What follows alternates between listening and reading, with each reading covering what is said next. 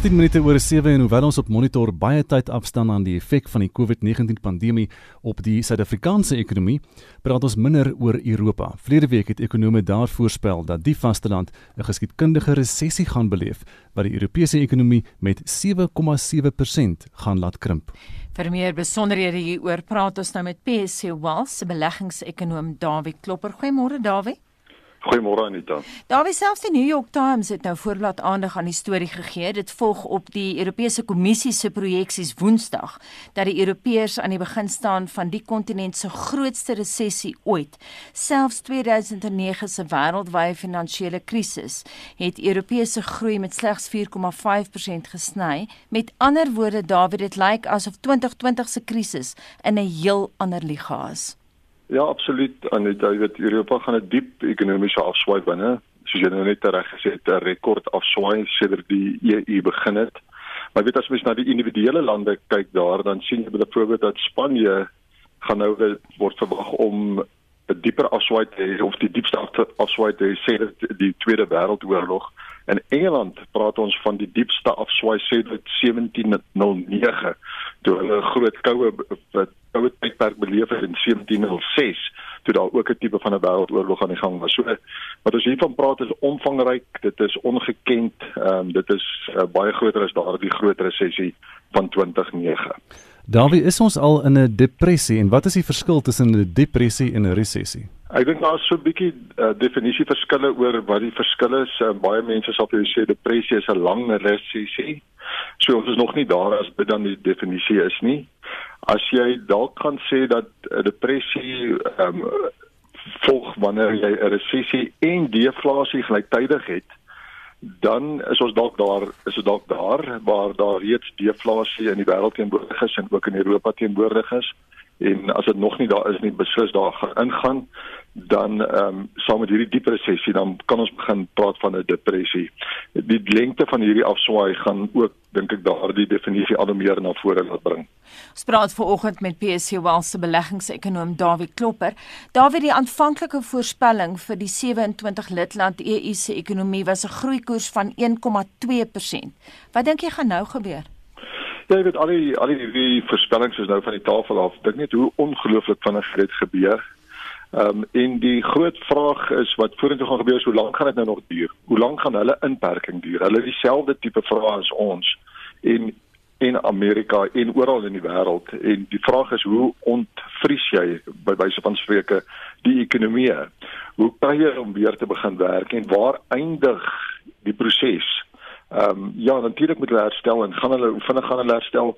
Baie mense praat van 'n sogenaamde V-herstel, met ander woorde baie vinnige herstel al hoe meer begin praat van 'n langdurige eh, herstelproses, 'n U-tipe van vorm, ehm um, en dat jy later 21 ag 2021 liewes bis 2022 weer gaan terug begin kom op die vlakke waar ons was sê maar einde 2019. So die is 'n lang proses van herstel wat moet plaasvind. As mens net dink byvoorbeeld aan toerisme in daardie streek. Ons weet hoe groot is toerisme in Europa. Hulle toerisme maak omtrent 10% van daardie Europese Unie se ekonomie uit. Op watter manier op watter manier gaan dit herstel? Hulle begin te praat van die grense binne in Europa oop te maak, maar wanneer wat praat ons wanneer begin ons te praat van internasionale reise in Europa in? Sodat dit kan alles begin herstel. Selfde tipe vraagstuk as ons en dit gaan lank vat om te herstel. Nou daar wie al daardie lande in die Europese Unie huisves gesamentlik 440 miljoen mense. Dis uh, die FSA se grootste handelsvennoot, China se tweede grootste. Wat Afrika betref, is die EU die grootste buitelandse belegger in Sub-Sahara Afrika. Hoe sal die resessie in die EU Suid-Afrika spesifiek raak? Ja, jy kan nou weer eens dink, ehm um, natuurlik as hulle laer ekonomiese aktiwiteit het, gaan Suid-Afrika en Afrika dan minder na hulle toe kan uitvoer, dan gaan minder vraag wees na die produkte wat ons kan uitvoer. As ons 'n ekonomiese afswaai beleef soos ons weet ons 'n diep ekonomiese afswaai wat ons beleef, gaan ons minder na van hulle af na ons toe invoer. Dink maar net aan motorhandel wat in Suid-Afrika in die vorige maand feitelik vir alle praktiese doeleindes tot stilstand gekom het. Ehm um, dit gaan 'n wesentlike oor en weer impak hê. Dit is deel van die probleem wat in die wêreld aan die gang is is dat alle ekonomieë beleef hierdie resessie toestande en almal gaan eerstens na hulle self kyk om om te herstel en dit is deel van die ander probleem wat mense sien is dat almal maak hulle grense toe praat van selfproduseer, praat van na weet eerstens na hulle self omsien en dit is wat ook in Europa gaan gebeur en ook natuurlik uh, mense sou moet verwag ook in Suid-Afrika gaan gebeur dat jy eerstens na jouself gaan kyk en daarna gaan jy weer begin dink aan internasionale handel en globalisering en samewerking. Daar word die Duitsers ook baie belangrik vir ons nê nee, in terme van in en uitvoere. Hulle is hulle is wesentlik belangrik vir ons. Natuurlik is die Duitse ekonomie is die grootste ekonomie verre in Europa en ons het baie nou verbande bande met uh, Duitsland. Ons voer baie van hulle in. Ons vervaardig ook van hulle motorkarre hier, dink maar aan BMW, Mercedes ensovoorts wat hier in Suid-Afrika vervaardig word wat wêreldwyd uitgevoer word. Baie nou bande met die Duitsers en hulle as die grootste ekonomie uh, gaan ook maar swaar tref, uh, swaar getref word. Byvoorbeeld, die Duitse uitvoere het in Maart maand en is nou ons praat nog nie eens van April nie, het in Maart maand hulle grootste afswaai ook sedert die Verenigde Duitsland tot stand gekom het beleef het uh, uitvoer is met 11,8% in Maart maand in Duitsland afgewees. Dit hulle voer motorkarre uit, hulle voer masjinerie uit wat ons ook dan nou invoer en en chemiese produkte. So ja, ehm um, wesenlike impak oor en weer verhoudings wat um, in stand gehou gaan moet word op 'n manier. Nou daar wie die effek van COVID-19 op die Europeërs blyk 'n politieke verdeling ook te wees, dan spanning tussen die noorde en en die suide. Is daardie spanning tussen die noorde en die suide op die politieke vlak spoel dit oor na die ekonomie toe? Ja, verseker gaan dit ook oorspoel na spanning tussen die sogenaamde ryk noorde en die arm suide. Onthou die ekonomie word op die oomblik en die politieke ekonomie word bestuur deur grootskaalse hulp wat deur die Europese sentrale bank aan lande gegee word net om hulle ekonomie aan die gang te hou. En op die oomblik is die Duitsers nie baie gelukkig om hulp te verleen aan die arm suide nie. Hulle voel ons het hard gewerk, ons is produktief. Die arm suide is dalk nie so produktief nie en is meer geneig om middag slaapies te wil neem dalk weet by wyse van spreuke en hulle is nie baie gelukkig om net te bly help nie. Aan die ander kant het die die Duitse konstitusionele hof bevind dat die hulp wat die Europese sentrale bank uitdeel, so mildelik uitdeel, ehm um, die aankope van effekte wat hulle daar doen om die ekonomie rentekoerse laag te hou en die ekonomie aan die werk te hou dat dit nie uh, toe, toelaatbaar is nie en daardie stryd moet nou nog uitspeel tussen die Duitse konstitusionele hof en die Europese sentrale bank. So hier's 'n klomp ehm um, onbedoelde gevolge van hierdie program ehm um, wat wat bedoel is dat die die, die konstitusionele hof het gesê die onbedoelde gevolge van hierdie program om te help moet ehm um, ook uitgespel word alvorens die Europese sentrale bank kan voortgaan om hulp um, aan die res van um, Europa uit te deel. En dit lyk of Ursula von der Leyen die die EU-kommissie president wat ook van Duitsland af is, haarself half gewip het vir, vir die konstitusionele hof van Duitsland en sy wil nou gaan na die Europese hof van geregtigheid toe en sê net hulle het sê oor wat in die euro uh, geldstelsel gebeur. So presies, jy kan sien daar die spanning is aan die opbou ehm um, tussen die onderskeie lande. Weet mense vra die vraag af tot watter mate kan die Europese Unie voortbly bestaan? Al die lande is besig om met hierdie eh, proteksionisme eh, proteksionistiese houding amper voor in dag te kom. Almal het hulle grense gesluit vir mekaar. Daar's nie sprake op die oomblik van oop Europese grense nie. Ehm um, so hier is 'n klomp bewegende dele van 'n moeilike ding wat eh, besig is om uit te speel. En mense vra die vraag, kan die Europese Unie in sy huidige formaat bly voortbestaan uh, vir veel langer as die volgende dekade? Ja, daai vraag gaan ons stel aan Roland Henwood. Net laasens die New York Times skryf, "It's a grim reminder that even if the virus dissipates, the economic fallout could pressure the world economy, economy for months if not years." Jy het nou nou van syfers gepraat. Ek dink jy het gesê 2021, Dawie, wat jou voorspelling?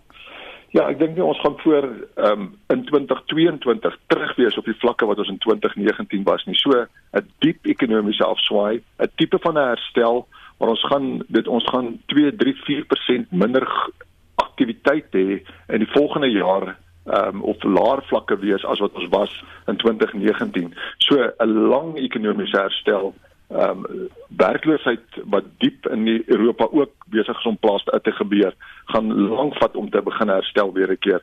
So ek dink mense moet ons moet praat van 'n en ek gaan dit nou in Engels noem 'n sogenaamde reset. Ons gaan voor moet begin van vooraf moet begin dink, hoe moet ekonomiese ekonomie werk? Hoe gaan ons saamwerk? En gaan moet die ekonomiese stelsels dalk van die wêreld op 'n ander manier begin funksioneer. Davie baie dankie PSG Wealth se beleggingsekonoom Davie Klopper. En ons bly by die storie vir die politieke implikasies van wat nou vir die Europeërs voorspel word. Praat ons met Roland Henwood van die Universiteit van Pretoria se departement politieke wetenskap. Goeiemôre. Goeiemôre Anita. Roland, ek weet jy het nou ingeluister op die onderhoud. Wat het jy te sê? Wat jou reaksie op wat Dawie gesê het? Klink of hy sê ons moet geduldig wees. Ja, ek, ek dink daar's eintlik bitter min ander alternatiewe as om geduldig te wees.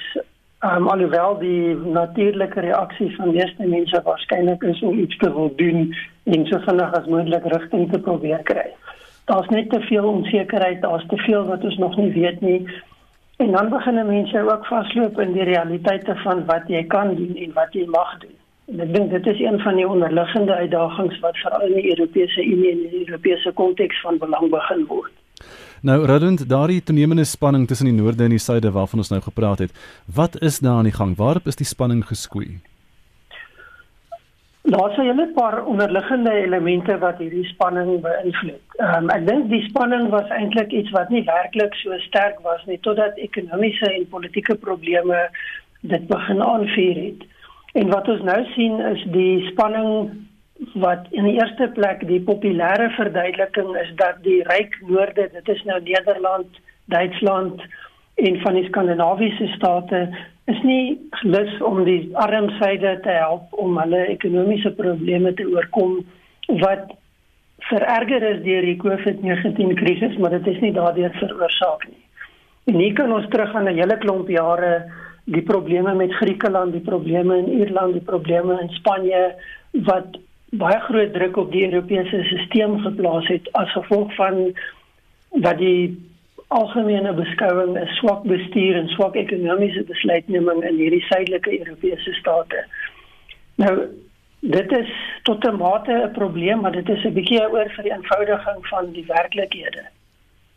'n Tweede probleem is die strukturele beperkings wat nou al duideliker begin word in die Europese Unie. En daar's 'n baie sterk argument besig om te ontwikkel dat die Unie te veel klem op ekonomiese maatreëls plaas en die politieke meganismes en die politieke realiteite al hoe meer op die kantlyn geskuif het en eintlik met opset geïgnoreer het want dit is die moeilike goed om te hanteer. En daar's 'n sterk spanning tussen die ekonomiese en die die politieke dimensies. Die ontkenning van soewereiniteit, die ontkenning van nasionale um, realiteite is byvoorbeeld van die elemente wat nou baie sterk na vore kom. Die feit ook dat daar nie werklik 'n vermoë van die Unie is om finansiëel onafhanklik te wees nie, maar direk gekoppel is aan dit wat binne die deelstate, die lidstate gebeur, sonder dat die lidstate genoeg sameseggenskap het oor wat met die geld wat hulle aan die Unie oorbetaal, wat daarmee gebeur, hoe dit gebruik word. En dit skep ander spanning en ook persepsie van ongelykheid by lede van die Europese Unie. So dis 'n komplekse realiteit wat nou besig is om uit te speel en wat groot spanning skep binne die Europese Unie konteks. Roland, daar's nie eengesindheid oor die hantering van COVID-19 nie. Die Duitsers open hulle sokkervelde aan die einde van die maand en die Franse wil niks weet daarvan nie. Ek dink dit is deel van die realiteite dat die die situasies in Duitsland en Frankryk verskil geheel en al. En dit is waar die persone wat 'n sterk eurosentriese benadering het en die Franse is baie sterker veral president Macron baie sterk ingestel op Europa eerste. Wil 'n uh, gesamentlike of of uh, hulle wil dieselfde benadering hê. Terwyl daar 'n baie sterk beweging besig is om te ontwikkel wat sê maar ons kan binne die Unie wees, maar ons moet daarom ook kyk na ons interne realiteite en belange en dit weeg ook iets. Dis nie te sê die Duitsers sê nou hulle gaan alleen iets doen nie. Maar daar begin al hoe meer druk in Duitsland onder andere opbou wat sê maar wag 'n bietjie, dit wat ons anders is, kan ons mos anders hanteer. Ons stap nie weg van die Unie af nie. En en dit is waar die spanning lê. Dis een van die strukturele foutlyne in die Europese Unie. Is tot watter mate jy eenheid of diversiteit begin beklemtoon. En en dit gaan alles binne die konteks van die Unie, maar daar's wesenlike verskille tussen hierdie realiteite. Roland, Italië is blykbaar ongelukkig oor wat die Italianers beskou as 'n gebrek aan hulp van die Franse se kant af. Interessant want Rome en Parys is gewoonlik goeie maatjies. Ja, tradisioneel was hulle baie na aan mekaar en en daar's 'n groot mate van eensgesindheid gewees. maar ons het oor die afgelope 2 jaar veral gesien dat daar afstand kom tussen Rome en Parys. En en dit het byvoorbeeld in die begin vroeg in 2019 gelei dat die Franse hulle ambassadeur uit Rome teruggeroep het. En en die die beginsel daar is net dit eenvoudig dat die ehm um, vir die die sogenaamde five star movement, die die deel van die koalisie regering op daai stadium was so beledigend teen Macron geweest en het begin samesprekings voer met die geelhemde, die mense wat die protes gedryf het sonder toestemming, instemming of die wete van die regering in Frankryk. En dit het geweldige spanning geskep. En nou sit jy met die gevolge van die COVID-19 krisis en die sluiting van grense en Italië wat sê maar Europa het ons aan ons eie lot oorgelaat. Hulle het ons nie gehelp toe ons dit nodig gehad het nie. Die Russe het ons gehelp, die Chinese het ons gehelp. Trouwens die beskuldiging gaan verder dat die Italianers sê maar Duitsland en Frankryk het 'n beperking geplaas op die uitvoer van kritiese mediese middele wat ons nodig gehad het. So nie net het ons nie gehelp nie, maar het dit vir ons onmoontlik gemaak om onsself te help. En en daai spanning loop diep op die stadium en dit natuurlik maak die hele gesprek rondom die pad vorentoe nog moeiliker. En dan rondom weerskante van die Engelse kanaal is daar nog steeds spanning tussen Brussel en Londen. Brexit het 'n bietjie op die agtergrond geskuif nou. Ek dink dit is op die agtergrond geskuif nie omdat dit nou agterweë gaan bly nie, maar omdat daar net 'n eenvoudige krisis is wat baie groter was maar die die Brexit onderhandelinge gaan voortgaan en ons moet onthou waar dit nou staan is ons is in 'n oorgangsjaar tussen Brittanje en Europa en hulle verhouding met die Europese Unie. En teen Junie maand is die regulatoriese vereiste dat daar 'n besluit geneem moet word gaan Brittanje einde van hierdie jaar in 'n posisie wees om uit te tree of gaan hulle nie in 'n posisie wees om to totaal uit te tree nie. En indien die antwoord is hulle gaan nie in 'n posisie wees nie, dan moet die oorgangstydperk verleng word. En dit vir die Britte, veral premier Johnson wil dit glad nie hê nie. So die volgende paar weke gaan waarskynlik redelik baie drama oplewer en spanning want daar is al reeds opbouende spanning as gevolg van verskille in hoe die pad vorentoe geïnterpreteer word. En dan moet ons verwag dat beide Brittanje en die Europese Unie gaan hulle eie belange voorop stel. Hulle gaan nie probeer om mekaar te akkommodeer so ver moontlik nie. Uh onderliggende uitdaging vir die Europese Unie is om hierdie proses so te bestuur dat ander lede soos Italië of dalk Hongarye of Pole nie idees kry en sê maar wag 'n bietjie dit word 'n beter opsie ons wil dieselfde doen. So mense kan verwag dat hierdie 'n baie moeilike, moeisame en spanningsvolle tydperk gaan wees. Jy verwys nou na die pole, maar jy het ook vroeër gesê Roland dat e, die EU baie strukturele foutlyne het. Gaan die EU as liggaam oorleef of gaan ons nog Brexit te sien? Dis moeilik om te sê. Ek dink as die Unie dit regkry om saam te werk om mekaar te ondersteun en om die ekonomiese krisis relatief suksesvol te kan hanteer dan gaan dit die moontlikhede en die belang van die Europese Unie as instelling versterk. Maar indien hulle dit nie regkry en indien hulle nie hierdie vervreemding en verdieping van verdeeldhede en lojaliteite wat negatief inwerk, indien hulle dit nie gaan kan beheer nie, dan gaan dit waarskynlik in die toekoms baie groter druk op die Unie plaas. En ek dink 'n sleutelrolspeler hier gaan Angela Merkel wees. Die mate waartoe sy kan stabiliteit en, en sterk leierskap bring die mate waartoe sy koelkoppe kan bring en dan Duitsland se ekonomiese mag gebruik om Europa Europa te stabiliseer. Maar terselfdertyd die Duitsers aan kante gaan van deurslaggewende belang wees. Jy praat net so van Angela Merkel na hierdie krisis lyk dit of sy baie gewilder is in die meningsopnames tuis.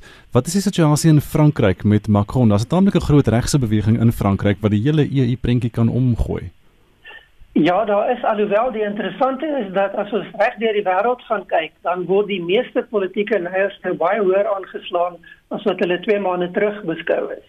Daar's enkele uitsonderings van politieke leiers wat se gewildheid afgeneem het, maar die die groot meerderheid en dit sluit Europa in, se gewildheid het toegeneem as gevolg van hulle persepsies van van hulle en hoe hulle die krisis hanteer. Roland het laasens wat van die groter geopolitiese konteks. Almal blyk vies te wees vir Beijing. Ja, dit is een van die interessante resultate van wat besig is om te gebeur is dat daar al hoe meer kritiese vrae gevra word oor China, presies wat China gedoen het, wat hulle geweet het en dan natuurlik die die die wantroue rondom China as gevolg van die manier wat hulle veral na die tyd probeer om die hele debat rondom China se rol in hierdie krisis te noem dit maar te saniteer en seker te maak dat daar nie slegte persepsies en negatiewe publisiteit is nie. Dit skep nog meer wantroue en waarskynlik nog meer spanning. Die verwagting is dat die die verhouding tussen China en die Europese Unie dalk so bietjie gaan afkoel in die kort tot medium termyn. Uh, Roland Baie, dankie dis Roland Henwood van die Universiteit van Pretoria se departement van politieke wetenskap.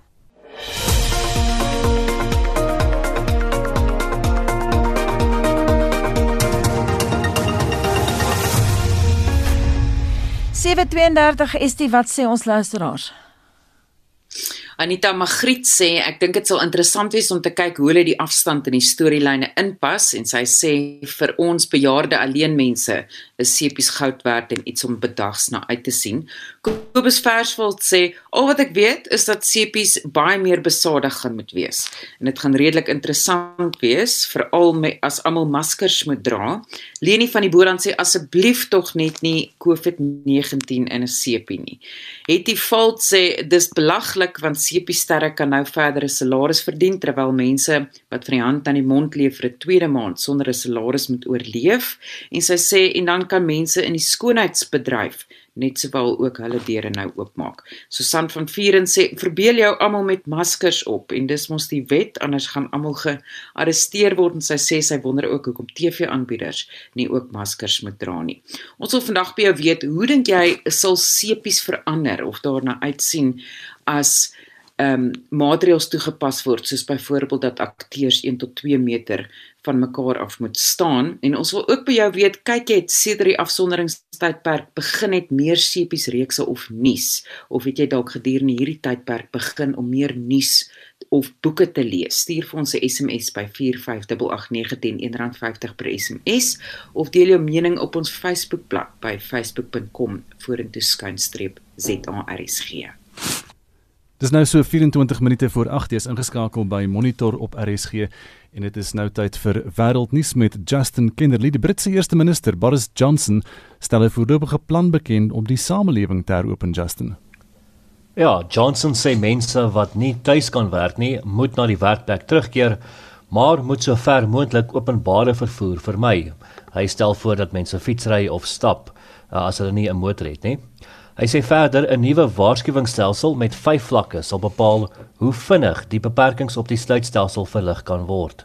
Every day, with ever increasing data, we will be monitoring the R and the number of new infections and the progress we are making. And if we as a nation begin to fulfill the conditions I have set out, then in the next few weeks and months, we may be able to go further.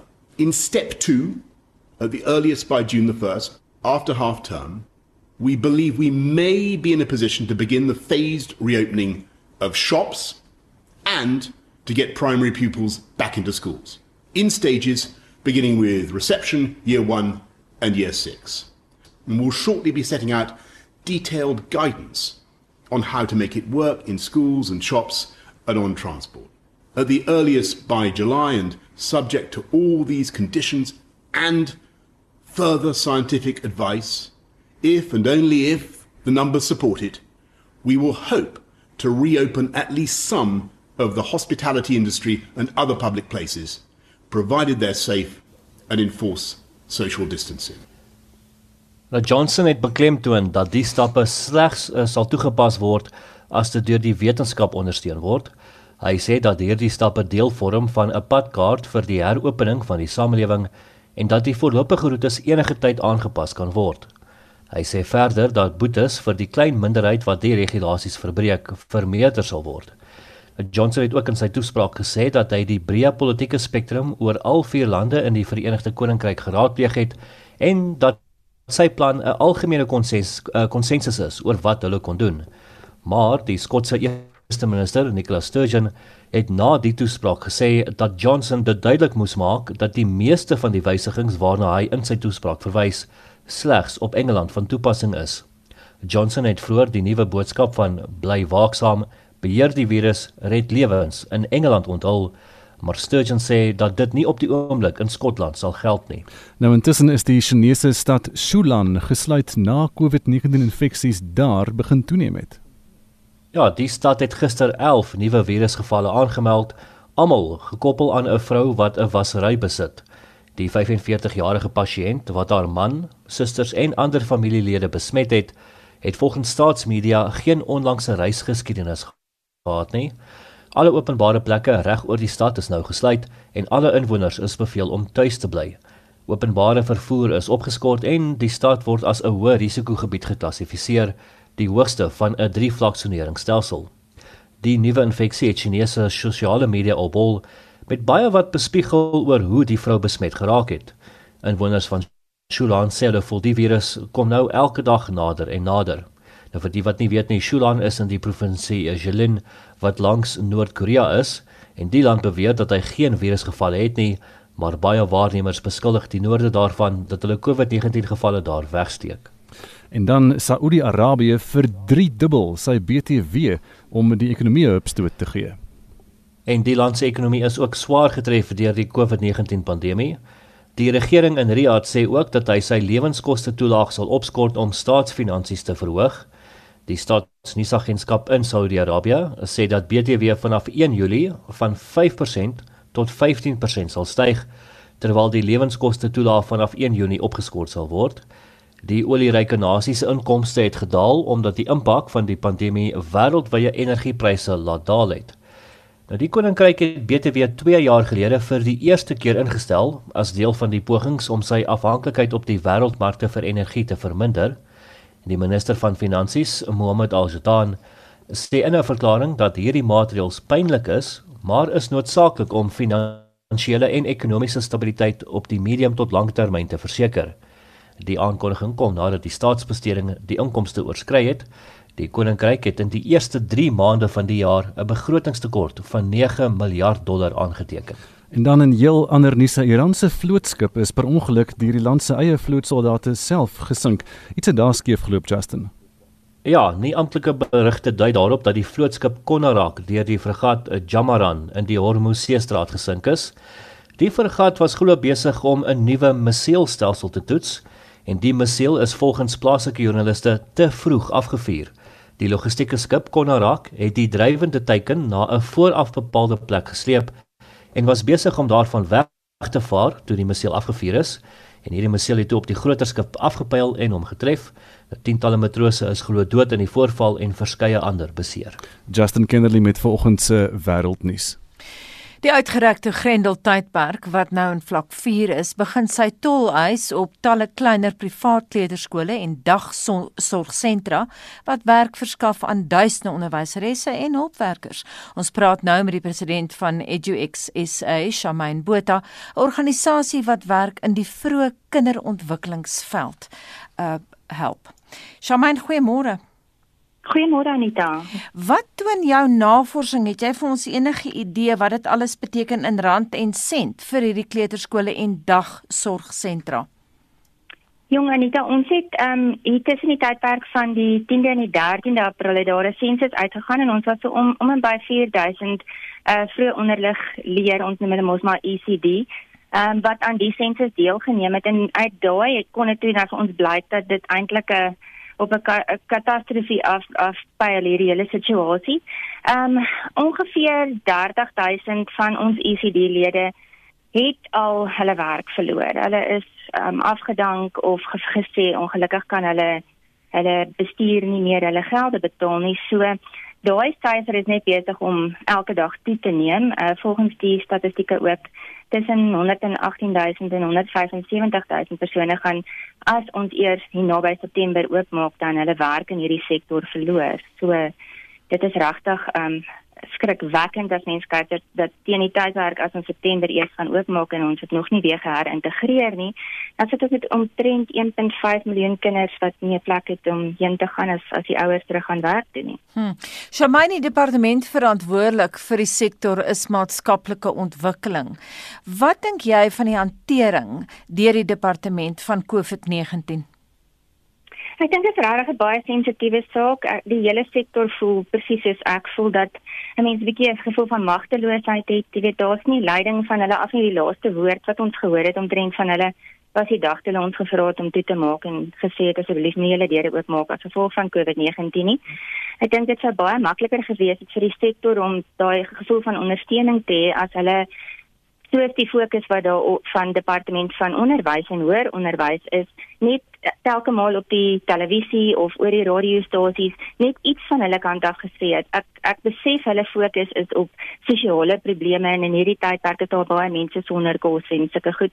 Maar da dit is tog hulle sektor. Iemand moes moes gekyk het dat hierdie sektor ten minste ook weet waarheen hulle op pad is, wat die herintegrasieproses moet wees, ehm um, wat net alles in plek wees want ons nog niks gehoor nie. Maar probeer julle met hulle kommunikeer?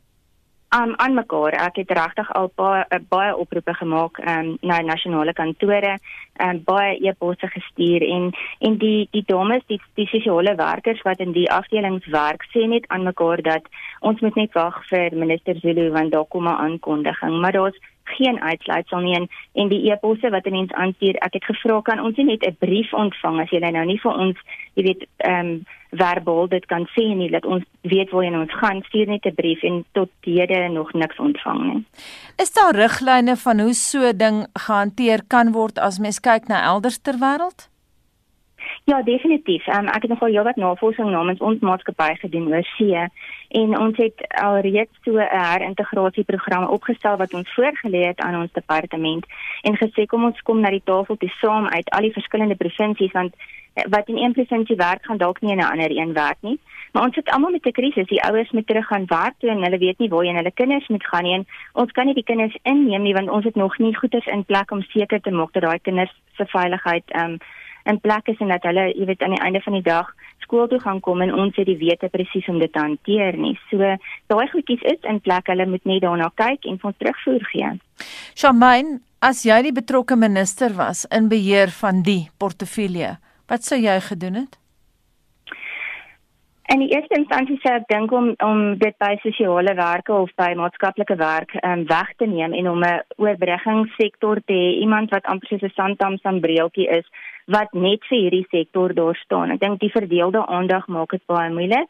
Die heel eerste ding wat ek in die huidige situasie sou doen is ek sou um, my hele sektor gerus gestel het, seker gemaak het my planne is mooi agter mekaar en dit sistematies uitgegee het met 'n goeie kommunikasienetwerk. Hulle kan van enige van die netwerke gebruik maak. Daar's in elke provinsie is daar vroeë onderrigleer netwerke, maar die woord net uit kommunikasie is die sleutel hierso. So ek, ek dink dit daai gebrek aan kommunikasie veroorsaak hierdie verwarring. Baie dankie en so sê Shamaine Botha, sy is president van die EduX SA wat werk aan die vroeë kinderontwikkelingsveld. Dis nou kwart voor 8 jy's ingeskakel by Monitor op RSG en ingevolge die vlak 4 inperkingsregulasies mag produksiemaatskappye weer begin om Suid-Afrikaners se gunsteling sepies en ander televisieprogramme te vervaardig. Maar dis nie net TV nie, ook radiodramas hier by RSG drama-opnames weer hervat. Saterdag het Hartebrekers begin opneem hier by die Drama Ateljee in Radio Park. En die ateljee is ingerig om afstand te handhaaf, drie akteurs op beslag kan speel, elkeen van sy eie mikrofoon af en nie almal om een soos gewoonlik nie. En daar's ook plastiek of perspex opgerig in die beheerkamer tussen die regisseur, die byklanke regisseur en die tegniese regisseur en so voorts. En dan gaan ons ook in Kaapstad begin opneem aan dramas uh, hierdie week want uh, daar is die nodige maatreëls getref om die opnames te kan hervat. Nou die TV-bedryf het 'n risikoplan uitgewerk om al die spanlede op so 'n produksie teen COVID-19 te beskerm. En volgens die direksie dit van die Suid-Afrikaanse Kommunikasiebedryfsvereniging, Tinus Smit, is dit egter makliker gesê as gedaan. Dit is nou by die klankmense kom en die kameramense, elke stukkie toerusting moet ontsmet word, mikrofone, kameras, kabels. As jy nou kyk na akteur, ons praat van die goed wat hulle opstel gebruik mos nou as props. Weet as hy nou 'n ding moet optel, 'n koppie of 'n glas of 'n telefoon, selfs daai props moet behandel word en jy moet seker wees al daai goed skoon en dat enige akteur dan nou gelukkig en gemaklik is om daai goed te gebruik. Jou kunsdepartement het nou natuurlik daai goed voorberei en uitgesit. So daar's nou daai issue van iemand het dit hanteer. Is ek gelukkig dat dit skoon is. So daar's 'n groot beslommernis as dit kom by om alles veilig te maak. En almal moet nou eers al daai prosedures en goeders in plek hê voor enige iets kan begin. Ehm um, ek sou reken ons almal wil maar graag terug gaan werk toe. Ek dink dit is waar vir vir absoluut almal van ons. Wat ek wel kan sê is ek reken vanuit my industrie se oogpunt die werk wat ons doen help om mense se geestelike gesondheid bietjie aan te help deur programmatuur voor te berei vir ons kykers en luisteraars die land deur. So van daai oop opsig af dink ek dis baie belangrik die werk wat ons doen. 'n Mens red dalk nou nie lewens soos dokters nie, maar jy maak 'n groot verskil vir die wat veral alleen by die huis bly en na die radio of die televisie kyk en luister en om so 'n bietjie geselskap te bou. Nou kom ons kyk bietjie na die protokol wat nou uitgewerk is. Voor die skerm is so nou buite die kwessie. So gaan ons nou minder romantiese tonele op ons sepie skerm sien. Vir die afsienbare toekoms is dit by alle waarskynlikheid 'n werklikheid uit die aard van die saak. Het dit te doen met die veiligheid van almal betrokke, maar dan nou uh, meer spesifiek ons akteurs. Hierdie is natuurlik rondte een vir ons, so dis hoe ons wegtrek, maar ek kyk na wat in Europa en Amerika gebeur en en die Europese filmwêreld het hulle 'n bietjie van ander aanklang gevat waar hulle sê hulle laat die akteurs toets vir die virus en as beide akteurs se resultate negatief is en beide akteurs is bereid om in te stem om 'n intieme toneel te skiet, dan laat hulle dit wel gebeur. En ek dink soos wat ons vorentoe gaan, sal ons 'n bladsytjie uit daai boek leen en dalk dieselfde doen, want ek is baie seker sepies gaan maar 'n bietjie droog wees as ons al die romanse uithaal. Wat ons wel toelaat is om hande vas te hou. Dit is darm nog daar. Agter die skerm, jy is byvoorbeeld 'n klankingenieur en ek neem aan die beheerkamers is nie noodwendig ontwerp dat mense soveel meter uitmekaar uit kan sit en nog steeds optimaal kan werk nie. So wat is julle planne op die oomblik in daardie opsig? Ja, so definitief ons kontrolekamers het ons uit die aard van die saak spasie probleme want die meeste van die goed is ontwerp oor jare wat dit nooit hierdie tipe probleme vir ons geskep het nie hoe nader ons aan mekaar sit, hoe makliker is dit om te kommunikeer. Veral as jy in die kontrolekamer sit waar die beeldmenger en die ander tegniese mense wat vinnig met mekaar moet kommunikeer in in die televisiewêreld. Daar gaan dit nou maar kom by maskers dra, handskoene dra en seker maak dat almal wat opstel is en dan spesifiek in die kontrolekamer is, geen simptome van die virus toon nie maar mens sal dalk maar 'n bietjie spasie moet maak. Ek weet nie of jy by 2 meter gaan uitkom nie, 1 en 'n half dalk. Ja, dis eintlik nog al 'n groot storie want as jy vir alles sepie of sweet skiet, is daar 'n aansienlike klompie mense wat betrokke is. Op hierdie stadium laat hulle ons toe om soveel as 50 mense, uh, dis nou natuurlik jou akteurs en jou tegnisi ingesluit, betrokke te hê by 'n produksie. Maar ons kan nou uit die aard van die saak nie almal in dieselfde spasie wees nie. So almal werk op verskillende areas. Ons sien nou met die hele virus situasie is daar baie streng veiligheidsprotokols in alle werksplekke. Watter unieke kontroles het julle nou in die televisiebedryf wat mense gaan moet volg? Ek weet nie of hulle noodwendig so uniek gaan wees, maar ek dink die belangrikste is almal wat by die stel aantree, ongeag van wie jy is of van waar jy kom, tree aan by die mediese personeel. En die heel eerste ding wat ons doen is ons neem jou temperatuur om seker te maak jy het nie 'n koors nie en van daar af is daar dan 'n vraagstuk wat jy invul sodat ons 'n paar dinge kan weet van jou. Ook het mense 'n bietjie die geskiedenis kan trek as daar dan nou 'n insident later is, dan weet mense hoe mense by die werk gekom, hoe het hulle gevoel toe hulle by die werk kom, al daai tipe van dinge. Wat beteken jou hele span wat werk daai dag moes deur een punt beweeg. Kyk 'n mens dan nou mooi na jou sosiale distansiering. So almal is nie besig om bo op mekaar te klim as dit by die een kom nie. Maar nou kan jy vir jouself dink as jy 'n spannetjie van soveel as 50 deur een punt moet beweeg om aan die ander kant te kom dat dit kan uit die aard van die saak 'n beslommenis wees. En dit was Tinus Smit, direkte lid van die Suid-Afrikaanse Kommunikasie Bedryfsvereniging oftewel SAKIA, en hy het met Anne Marie Jansen van Vuren gepraat. Goeie nuus vir sekere luisteraars, mense wat na 'n nuwe huis wil trek, kan dit tussen nou en 7 Junie doen. Daar sal egter sekere voorwaardes en bepalinge geld. Die regulasies is in die Staatskoerant gepubliseer. Die hoofbestuurder van Rawson Property Group, Tony Clark het aan Vincent Mofokeng gesê dat die regulasie slegs tydens vlak 4 van inperking van toepassing is. The regulation says that people are allowed to move within or across provincial, municipal, and district lines. This is saying it's not just the person that has to move from province to province or one municipality to another municipality. This regulation will even allow someone to move within a block away from his current residence. Die regulasie is bedoel om mense toe te laat om te verhuis indien hulle 'n nuwe huurooreenkoms aangegaan het voor of tydens vlak 5 van die inperking of waar hulle nuwe huise gekoop het en die oordrag van die eiendom reeds plaasgevind het. Wanneer 'n huurder wil trek, het hy of sy ook toestemming van die polisie nodig. Clark sê ook reise oor provinsiale, metropolitaanse of distriksgrense benodig 'n permit wat deur 'n stasiebevelvoerder uitgereik word. Because these regulations allow the movement of goods, he must get that permit to get a moving company and he can move all his items home. Then it says movement of people that entered into lease agreements before or during lockdown. Remember, lockdown is from the 26th of March to the 30th of April. Lease agreements don't need to be in writing. They could be have negotiated this prior or during during the lockdown period. Remember, even it can be an intention to move. So if there was an intention to move after lockdown, that is also allowed. En wat van kopers? Buyers are also allowed exactly the same. Buyer has to carry a copy of his, his sale agreement with him, and then he can fill in the permit that's now been granted as part of the regulation, and also bring in a removal company to go uh, and, and assist him or her in that move. Buyers, as long as the registration of the property happened prior to lockdown, we know no registrations have taken place since lockdown, but all registrations that took place prior to lockdown, that buyer can move as well. Clark sê ook dat hoewel die balie nie 'n uitsettingsbevel kan uitreik nie, kan huurders wat nie betaal nie steeds uitgesit word. A landlord is still allowed to obtain an eviction order. Although no eviction order at this current time can be executed because the sheriff can't execute the writ, however, an eviction order can be obtained through the courts.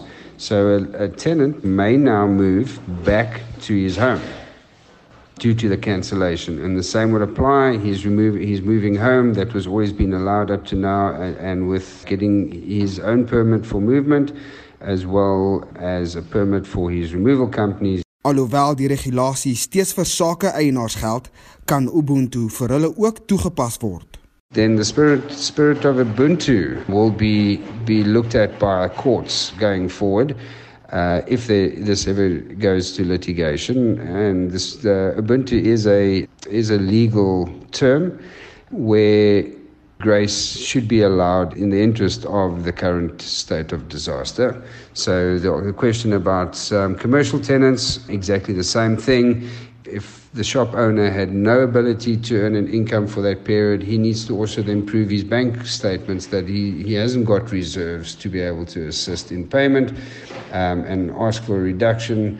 Um, uh, it's very seldom you get a 100% reduction from a business perspective or in a residential perspective.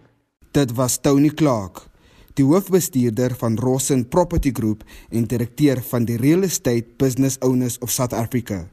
Ek is Vincent Mofokeng vir SAI Garnis. Dis 5 minute voor 8 vinnig verkeersnuus. 'n Ongeluk waarby verskeie voertuie betrokke was op die N1 noordwaarts net voor die William Nicol afrit. Die noodbaan is versperre. Wees maar versigtig in daardie omgewing. Ook verkeersligte buitewerking in Centurion by die N1 en John Foster Island daar by die afritte en puntsmanne is aan diens.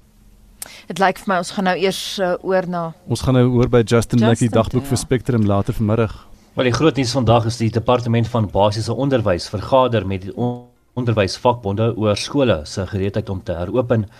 Die restaurantbedryf vra dat die regering mense toelaat om self kos by eetplekke te gaan haal eerder as om net op afleweringsdienste staat te maak en haarkappers gaan volgende week hof toe om die bedryf vroeër te laat heropen.